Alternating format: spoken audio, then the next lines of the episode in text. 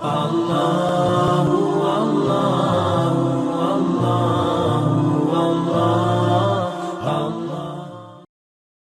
Allah tentang mizan, ya, e, timbangan yang akan dihadirkan pada hari kiamat. Dan mizan ini dalam hadis Bukhari dijelaskan memiliki, memiliki lisan, bisa berbicara, menghardik orang yang berbuat dosa dan memuji ya orang-orang yang berbuat kebaikan. Surah Anbiya ayat 47 bunyinya A'udzubillahi minasyaitonir rajim wa nadha'ul mawazin al-qist li yaumil qiyamati fala tudlamu nafsun syai'a wa in kana mithqala habatin min khardalin ataina biha wa kafa bina hasibin. Kami akan memasang timbangan yang tepat pada hari kiamat. Maka tidaklah dirugikan seorang bar, seba, seseorang barang sedikit pun. Dan jika amalan itu hanya seberat biji sawi pun pasti kami mendatangkan pahalanya dan cukuplah kami sebagai pembuat perhitungan dalam riwayat lain dikatakan riwayat Bukhari, nanti hari kiamat akan datang orang yang postur tubuhnya kekar dan besar. Kemudian dia datang ke timbangan tersebut lalu dia loncat ke dalam timbangan amalnya, amal baiknya untuk membuat berat tapi timbangan tersebut tidak akan menilai berat badannya. Padahal pada saat itu hari kiamat ada hadis lain menjelaskan Kata Nabi SAW, kalian akan dibangkitkan semua laki-laki seperti poster ayahnya Adam 60 siku ke langit ya kurang lebih 27 setengah meter. Dan semua perempuan 40 siku ke langit seperti ibunya Hawa ya 17 setengah meter. Jadi orang sangat besar postur tubuhnya. Tapi timbangan itu akan diletakkan dalam kondisi adil. Tidak akan menimbang kecuali yang Allah suruh amal baik dan amal buruk saja ya.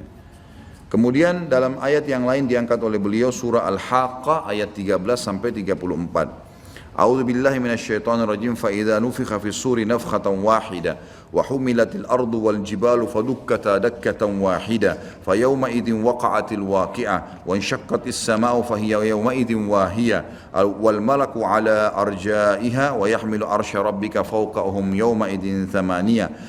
يومئذ تعرضون لا تخفى منكم خافية. فأما من أوتي كتاب بيمينه فيقول ها اقرأوا كتابية إني ظننت أني ملاك حسابية فهو في عيشة راضية في جنة عالية. قطوفها دانية. كلوا واشربوا هنيئا بما أسلفتم في الأيام الخالية. وأما من أوتي كتابه بشمال فيقول يا ليتني لم أوتى كتابية ولم أدر ما حسابية. يا ليتها كانت القادية ما أغنى عني مالية. هلك أني سلطانية.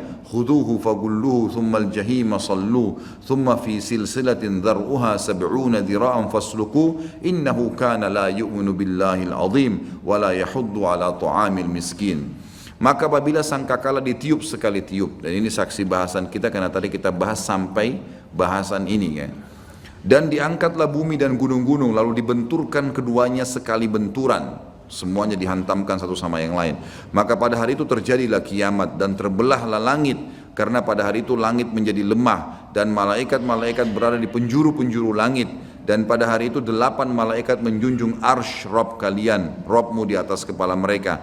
Pada hari itu kamu akan dihadapkan kepada Robmu, semua kita akan dihadapkan masing-masing. Tidak ada sesuatu pun dari keadaanmu yang tersembunyi bagi Allah. Adapun orang-orang yang diberikan kepadanya kitab dari sebelah kanannya, maka dia berkata, ambillah, bacalah kitabku ini. Karena ada hadis yang menjelaskan siapa yang menerima kitabnya dengan tangan kanannya. Kitab-kitab akan berterbangan seperti kapas, kata Nabi SAW. Dan masing-masing akan datang ke orang. Yang datang ke tangan kanannya walaupun dia belum baca, dia udah tahu dia akan selamat. Karena bangganya dan senangnya dia mengatakan, ambil kitabku ini, bacalah, isinya pasti baik gitu. Dia mengatakan sungguhnya aku yakin, belum dia buka, tapi dia yakin bahwa sungguhnya aku akan menemui hisap terhadap diriku. Aku akan berhasil lolos karena sudah jalan di tangan, tangan kanannya. Maka orang itu berada dalam kehidupan yang diridhoi dalam surga yang tinggi, buah-buahannya dekat. Kepada mereka dikatakan makan dan minumlah dengan sedap disebabkan amal yang telah kalian kerjakan pada hari-hari yang telah lalu. Adapun orang-orang yang diberikan kepadanya kitab dari sebelah kirinya. Jadi ini dengan sendirinya kita tidak bisa nolak. Mudah-mudahan termasuk kita orang yang menerima tangan kanan. Maka dia berkata, wahai alangkah baiknya kiranya tidak diberikan kepadaku kitabku ini dan aku tidak mengetahui apa hisap terhadap diriku. Dan dia sudah tahu dia akan ke neraka. Wahai kiranya, jadi dia berkata, semua orang yang terima dengan tangan kirinya buku berkata, wahai kiranya kalau kematian awal di dunia waktu saya mati, itu sudah menyelesaikan segala sesuatunya. Coba waktu mati dan tidak dibangkitkan lagi ya, itu harapan mereka. Hartaku yang selama ini aku kumpul-kumpulkan, sekali-kali tidak bisa memberikan manfaat kepadaku. Telah hilanglah kekuasaan dariku, Allah berfirman, peganglah dia, lalu belenggulah tangannya ke lehernya, kemudian masukkan dia ke dalam api neraka yang menyala-nyala, kemudian belitlah dia dengan rantai yang panjangnya 70 hasta.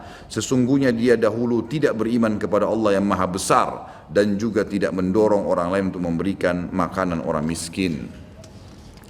Firman Allah SWT tentang hasyar, perhimpunan di mahsyar, disebutkan oleh beliau dalam surah Maryam ayat 68 sampai 72 yang bunyinya a'udzubillahi minasyaitonir rajim فوربك لنحشرنهم والشياطين ثم لنحضرنهم حول جهنم جثيا ثم لننزعن من كل شيئة أيهم أشد على الرحمن عتيا ثم لنحن أعلم بالذين هم أولى بها صليا وإن منكم إلا واردها كان على ربك حتما مقديا ثم ننجي الذين اتقوا ونذر الظالمين فيها جثيا Demi Rabbmu, sesungguhnya akan kami bangkitkan mereka bersama syaitan. Yang sudah mengganggu-ganggu manusia selama ini dibangkitkan bersamaan sekalian. Kemudian akan kami datangkan mereka di sekeliling jahanam, neraka jahanam dalam keadaan berlutut.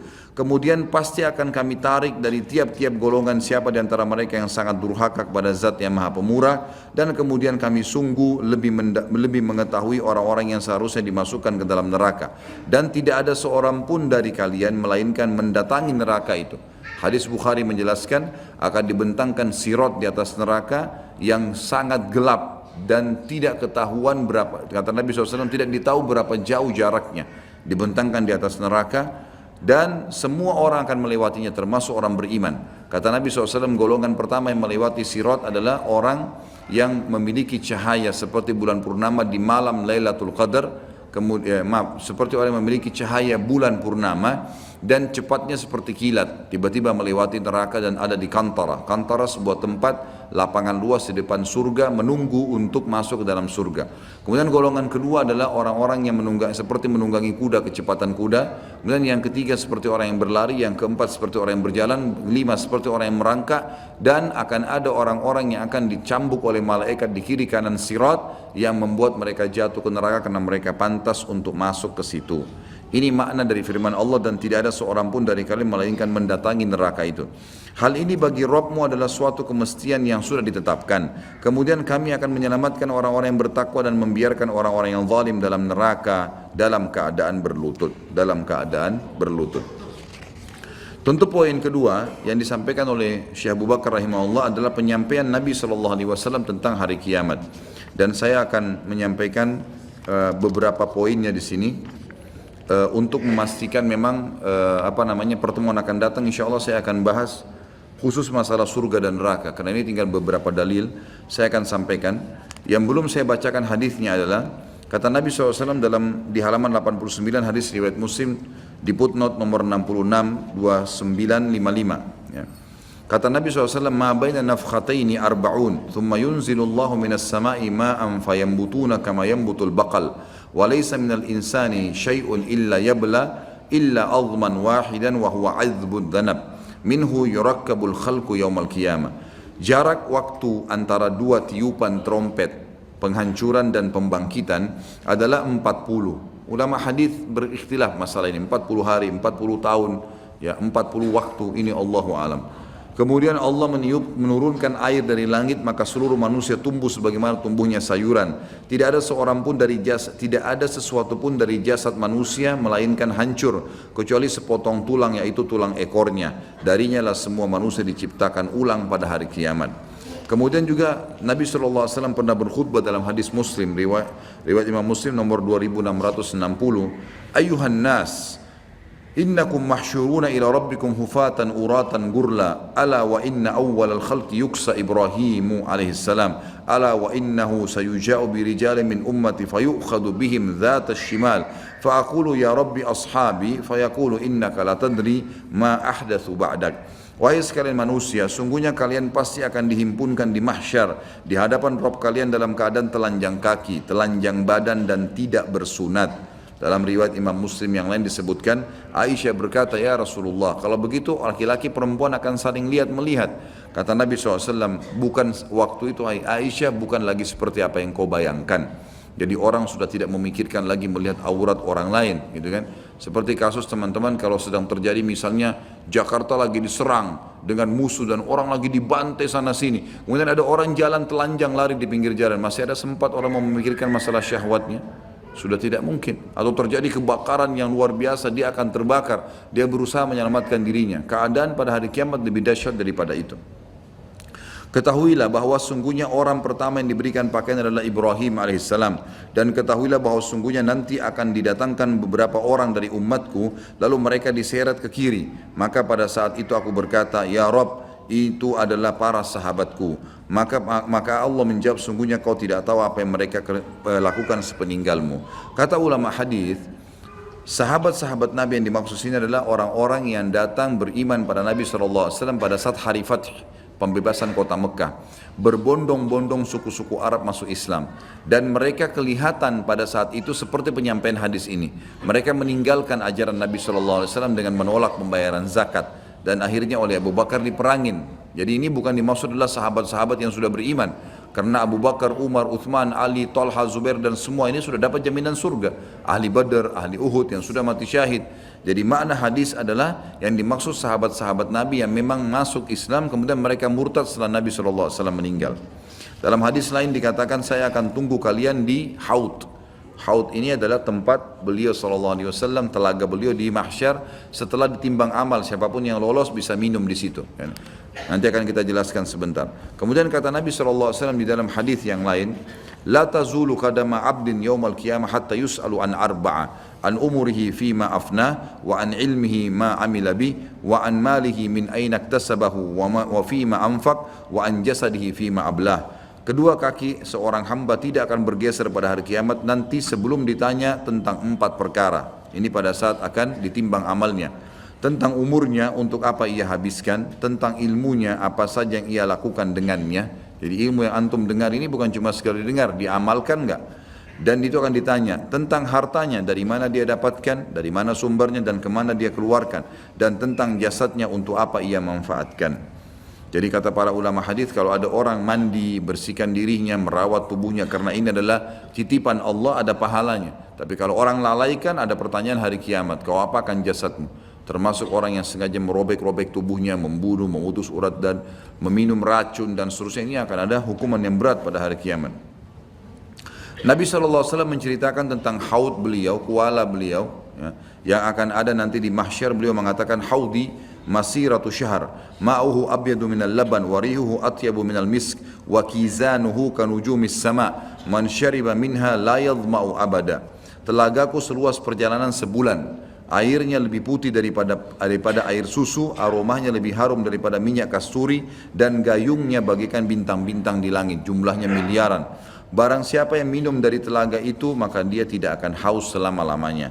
Hadis ini disebutkan footnote nomor 69, riwayat Imam Bukhari nomor 6579 dan seterusnya.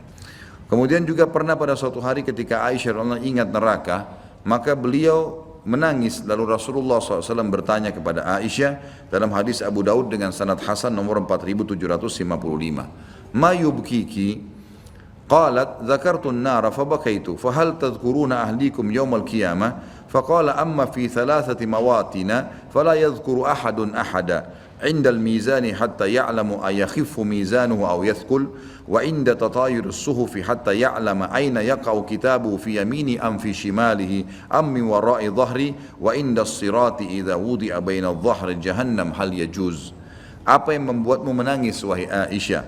Kata Aisyah, Aku ingat tentang neraka, azabnya yang pernah disampaikan, maka dari itu aku menangis.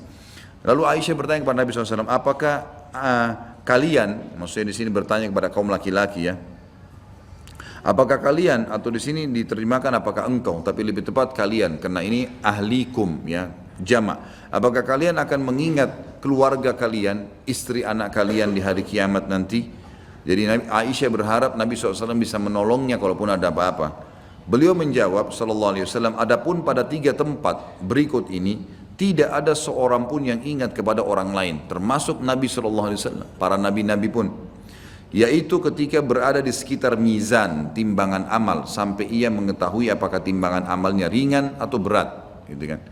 Yang kedua, pada saat buku-buku catatan amal berterbangan sampai ia mengetahui di mana buku catatan amalnya jatuh, apakah di tangan kanannya, apakah di tangan kirinya atau di belakangnya. Sebagian ulama menjelaskan masalah di belakang artinya kalau dia terima dari belakang dia masih kemungkinan bisa lolos masuk surga atau dia masuk neraka. Tapi kalau kanan pasti masuk surga, kalau kiri pasti masuk neraka. Ketiga, tidak akan mengingat siapa pun pada saat itu ketika berada di, di, di sekitar jembatan sirot yang dibentangkan di atas neraka apabila dipancangkan di atas neraka jahanam hingga ia tahu dia bisa melewatinya. Kemudian Nabi SAW menceritakan juga tentang masalah keadaan mahsyar. Beliau mengatakan di kulli nabiin da'watun qad da'aha ummata wa inni ikhtaba'tu da'wati syafa'atan li ummati. Hadis ini disebutkan oleh Imam Muslim nomor 200. Jadi kata Nabi SAW semua nabi-nabi punya doa mustajab pasti. Ini doa doa pamungkas gitu kan. Apa yang dia ucapin langsung dikasih sama Allah. Ada satu yang diberikan. Seperti Nabi Nuh minta kaumnya disiksa misalnya. Itu langsung Allah ijabah. Tentu banyak doa-doa Nabi yang diterima. Ada juga doa Nabi yang dipanjatkan tapi belum diterima. Tapi ada satu doa yang memang itu disimpan. Itu, itu dikasih. Nabi SAW mengatakan semua nabi-nabi sudah pakai doanya itu. Kecuali saya. Saya sengaja menyimpan doa itu untuk umatku, untuk syafaat umatku pada hari kiamat. Kemudian ini menceritakan tentang kita akan interaksi sama Nabi, ada haud, ya, ada pertolongan dari Nabi SAW, syafaat dan seterusnya. Kemudian beliau mengatakan juga dalam hadis Ibnu Majah nomor 4308, "Ana sayyidu waladi Adam wala fakhr wa ana awwalu man tanshaqqu anhu al-ard yaumal qiyamah wala fakhr wa ana awwalu syafi'in wa awwalu musyaffi'in wala fakhr wa liwa'ul hamdi bi yadi yaumal qiyamah wala fakhr." Aku adalah pemuka cucu-cucu Adam pada hari kiamat. Perkataanku ini bukanlah kesombongan. Dan aku orang pertama yang dibangkitkan dari bumi. Perkataan ini bukanlah kesombongan. Aku adalah orang pertama yang memberi syafaat, pertolongan. Dan orang yang pertama yang syafaatnya dikabulkan. Karena perkataan ini bukanlah kesombongan dan bendera hamd pujian ada di tanganku pada hari kiamat kelak. Perkataanku ini bukan kesombongan. Hadis muslim yang lain berbunyi, Kata Nabi SAW, tahukah kalian bagaimana manusia mengenalku pada hari kiamat? Sehingga memang aku memang jadi pemimpin anak Adam dan tidak ada kesombongan di situ. Para sahabat mengatakan Allah dan Rasulnya lebih tahu. Maka kata Nabi SAW, manusia nanti akan kepanasan di mahsyar, eh, dibangkitkan dalam kondisi tenggelam dengan keringatnya masing-masing. Ada yang sampai kakinya, ada yang sampai perutnya, ada yang sampai dadanya, ada yang tenggelam dengan keringatnya sesuai dengan kadar dosanya. Karena jenuhnya manusia menunggu lama, maka mereka pun mendatangi Adam lalu berkata, kau manusia pertama, kau lah ayah kami. Ya mohonlah kepada Allah agar datang mengadili kami, baik kami ke neraka atau ke surga. Mereka belum tahu neraka karena panasnya pada saat itu. Lalu dalam riwayat lain ditambahkan adalah Nabi SAW mengatakan karena matahari cuma berjarak satu atau dua mil dari mereka, gitu kan? Jadi ini bahasa satu dua mil ini memang dalam hadis lafadznya begitu, mil, mil sangat dekat sekali. Ya sekarang saja bisa dikatakan jutaan mil mungkin ya bahkan lebih daripada itu sudah panasnya luar biasa. Bagaimana kalau seperti keadaan tadi yang disebutkan? Maka Adam pun berkata saya sudah hari ini Allah murka belum pernah murka sebelumnya dan saya sudah membuat kesalahan. Saya dulu dilarang memakan buah lalu saya makan gitu kan. Maka saya tidak berani. Diriku sedikit, diriku sedikit. Coba pergi ke Idris. Lalu pergilah ke Idris. Idris juga dipuji-puji tapi Idris tunjuk. Cobalah pergi ke Hud, Saleh, Shu'aib, Ibrahim, Nuh dan seterusnya. Sampai tiba di Isa dan Isa AS kata Nabi SAW tidak menyebutkan kesalahannya. Dan dia cuma mengatakan cobalah pergi kepada Muhammad. Lalu mereka pun datang kepada saya. Dan pada saat itu kata ulama hadis suara orang-orang terbentang yang sedang bicara sama Nabi ini terkenal semua orang di mahsyar, miliaran manusia dan jin mendengarkannya. Lalu mereka berkata, wahai Muhammad, untuk engkaulah manusia eh, engkaulah Nabi terakhir. Allah menutup kenabian di tanganmu. Lalu disebutkanlah kelebihan-kelebihan Nabi SAW. Yang akhirnya membuat orang-orang di mahsyar semuanya tahu, oh ini Nabi terakhir. Karena mereka belum pernah ketemu, gitu kan. Dikenallah Nabi SAW, disebutkan semua kelebihannya. Allah memberimu kitab, ya engkau Allah jadikan engkau dengan umatmu menjadi saksi buat umat-umat selainnya. Maka mintalah kepada Allah supaya Allah datang menghakimi kita, gitu kan. Kita ke surga atau ke neraka. Maka Nabi SAW mengatakan, Ana lahu, ana lahu. Saya pemiliknya, saya pemiliknya. Lalu saya pun menuju ke bawah singasananya Allah, arsnya Allah. Dan saya sujud dan Allahu a'lam berapa lama saya sujud. Dan Allah Subhanahu wa taala membuka kepada saya kalimat-kalimat hamd puji-pujian yang belum pernah dibukakan untuk orang-orang sebelumku. Lalu kemudian aku mendengar suara dari langit mengatakan Allah berfirman ya ya Muhammad irfa ra'sak washfa tushfa. Hai Muhammad angkatlah kepalamu berikan syafaat pertolongan dan kau akan diterima. Lalu di sini beliau memberikan dua syafaat syafaat amma dan syafaat khassa ya syafaat kubra dan syafaat ya sugura banyak istilah yang digunakan. Tapi yang jelas ada syafaat umum agar Allah mengadili semua manusia pada saat itu dan jin. Dan ini syafaat Nabi SAW untuk semuanya. Yang kedua syafaat yang khusus untuk orang-orang yang beriman saja. Pertolongan Nabi SAW. Bila ada orang beriman yang kurang amal solehnya lalu Nabi SAW membantunya dan seterusnya ditolong oleh Nabi SAW. Inilah yang disebutkan dalam hadis tadi tentang masalah syafaat Nabi SAW Lalu dalam hadis yang lain, ini kita diingatkan oleh Nabi SAW agar kita berusaha setiap hari meminta surga dan jauhkan diri dari api neraka. Karena kejadian kiamat pasti terjadi. Nabi SAW sampaikan di dalam hadis riwayat Tirmidzi nomor 2572, Ibnu Ibnu Majah dalam 4340 dan Nasai nomor 5522 Ibnu Hibban, Al Hakim dan ini dengan sanad yang sahih. Kata Nabi SAW, Man sa'al al-jannah, man sa'al al-jannata thalatha marratin qalatil jannah, Allahumma adkhilhu al-jannah. Wa man istajara minan nari thalatha marratin qalatil nar, Allahumma ajirhu minan nar. Barang siapa yang memohon surga tiga kali dalam sehari, maka surga akan berkata, Ya Allah masukkan ia ke dalam surga. Dan barang siapa yang memohon diselamatkan dari neraka tiga kali, maka neraka akan berkata, Ya Allah selamatkan dia dari neraka. Yang ketiga, bukti bahwasanya secara nakli memang ada ya. Kiamat terjadi iman dan keyakinan yang kokoh jutaan para nabi rasul-rasul para hukama. Maksudnya kalau digabung jumlahnya jadi jutaan. Orang-orang bijak para ulama dan para hamba Allah yang saleh kepada tentang tentang kejadian hari kemudian. Dan kepada segala yang berkaitan dengannya. Ini kurang lebih dalil-dalil naklinya. Saya akan baca beberapa poin dalil akli.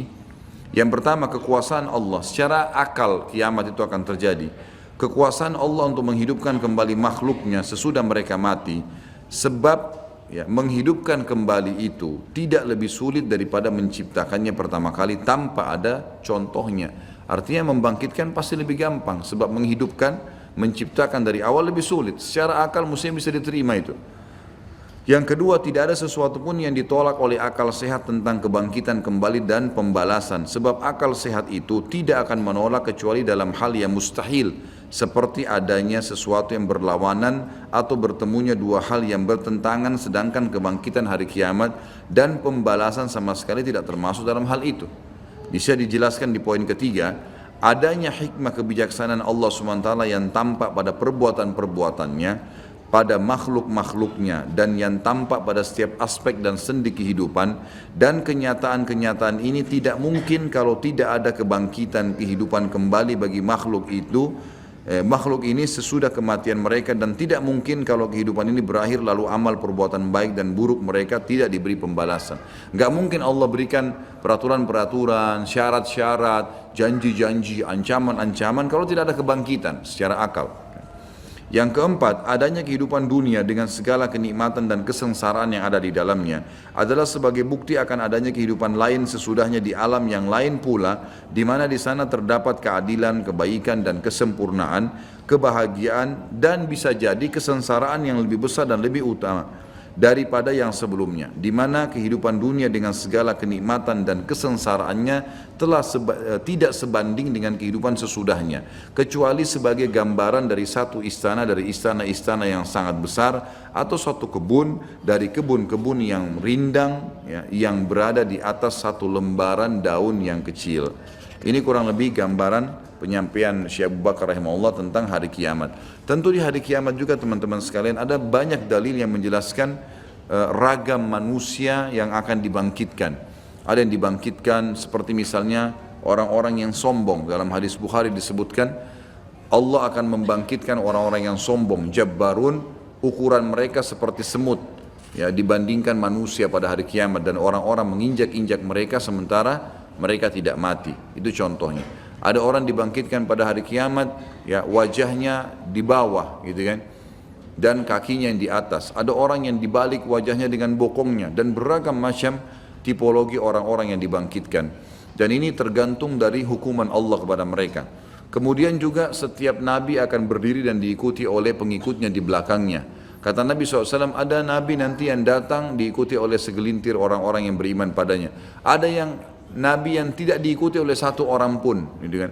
Dan ada orang-orang, eh, ada nabi-nabi yang penuh dengan pengikutnya di antara adalah Nabi SAW. Juga akan ada orang dibangkitkan hari kiamat sendirian. Bukan nabi, tapi orang beriman. Seperti misalnya sabda Nabi SAW tentang uh, Zaid, ya. Zaid bin Amr bin Tufail bin Dufail, ya, bin Tufail. Ini terkenal orang muwahidnya Quraisy. Anaknya namanya Sa'id bin Zaid. Ini orang salah satu yang dijamin masuk surga dari sahabat Nabi. Tapi ayahnya belum sempat beriman, belum sempat beriman pada saat itu. Maka yang terjadi adalah uh, Zaid ini meninggal sebelum Nabi SAW diutus jadi Nabi. Tapi dia beriman kepada Allah, mengikuti ajaran Ibrahim. Kata Nabi SAW, Zaid akan dibangkitkan sebagai satu umat sendiri. Jadi tidak ada orang di belakangnya, karena memang dia cuma beriman pada saat orang semua kufur kepada Allah Subhanahu Wa Taala. Kemudian juga ada hadis yang menjelaskan, saya yakin antum sudah tahu tentang ada kondisi orang-orang pada saat panas, ada tujuh golongan yang dinaungi oleh Allah, tidak ada naungan kecuali naungannya. Orang-orang yang beriman tentunya, pemimpin yang adil, dua orang yang saling mencintai karena Allah, berpisah dan bergabung karenanya, anak muda yang tidak, eh, anak muda yang tumbuh dalam ketaatan Allah, seseorang yang diajak berzina oleh wanita yang terkenal kecantikan, keturunan, ya, kemudian dia menolak mengatakan saya takut kepada Allah seseorang yang bersodokah dengan tangan kanannya sampai tangan kirinya tidak tahu. Ini tentu isyarat saja ya ibarat. Tentu tangan kanan tangan kiri bisa tidak saling tahu memang tidak bisa uh, dalam akal manusia kita tahunya tidak tidak bisa mengetahui gitu ya. Tapi ini ibarat artinya kalau tangan kanan mengeluarkan kiri tidak tahu artinya apalagi orang lain kalau dirinya saya tidak tahu gitu kan. Kemudian juga orang-orang yang terikat hatinya dengan masjid gitu kan dan orang yang terakhir adalah orang yang mengingat Allah SWT sendirian surga dan neraka lalu dia menangis ya karena Allah Subhanahu wa taala. Nah, ini orang-orang yang akan dilindungi oleh Allah SWT pada hari kiamat di mahsyar itu. Tapi yang kita ingin titik beratkan adalah kiamat akan terjadi dengan semua tanda-tandanya tadi, kecil dan besar, kemudian bagaimana mereka dibangkitkan dengan tiupan sangkakala, lalu bagaimana mereka dihadirkan di mahsyar dan kejadian-kejadian yang tadi yang sudah saya ceritakan, lalu kemudian nanti akan masuk ke dalam surga atau neraka.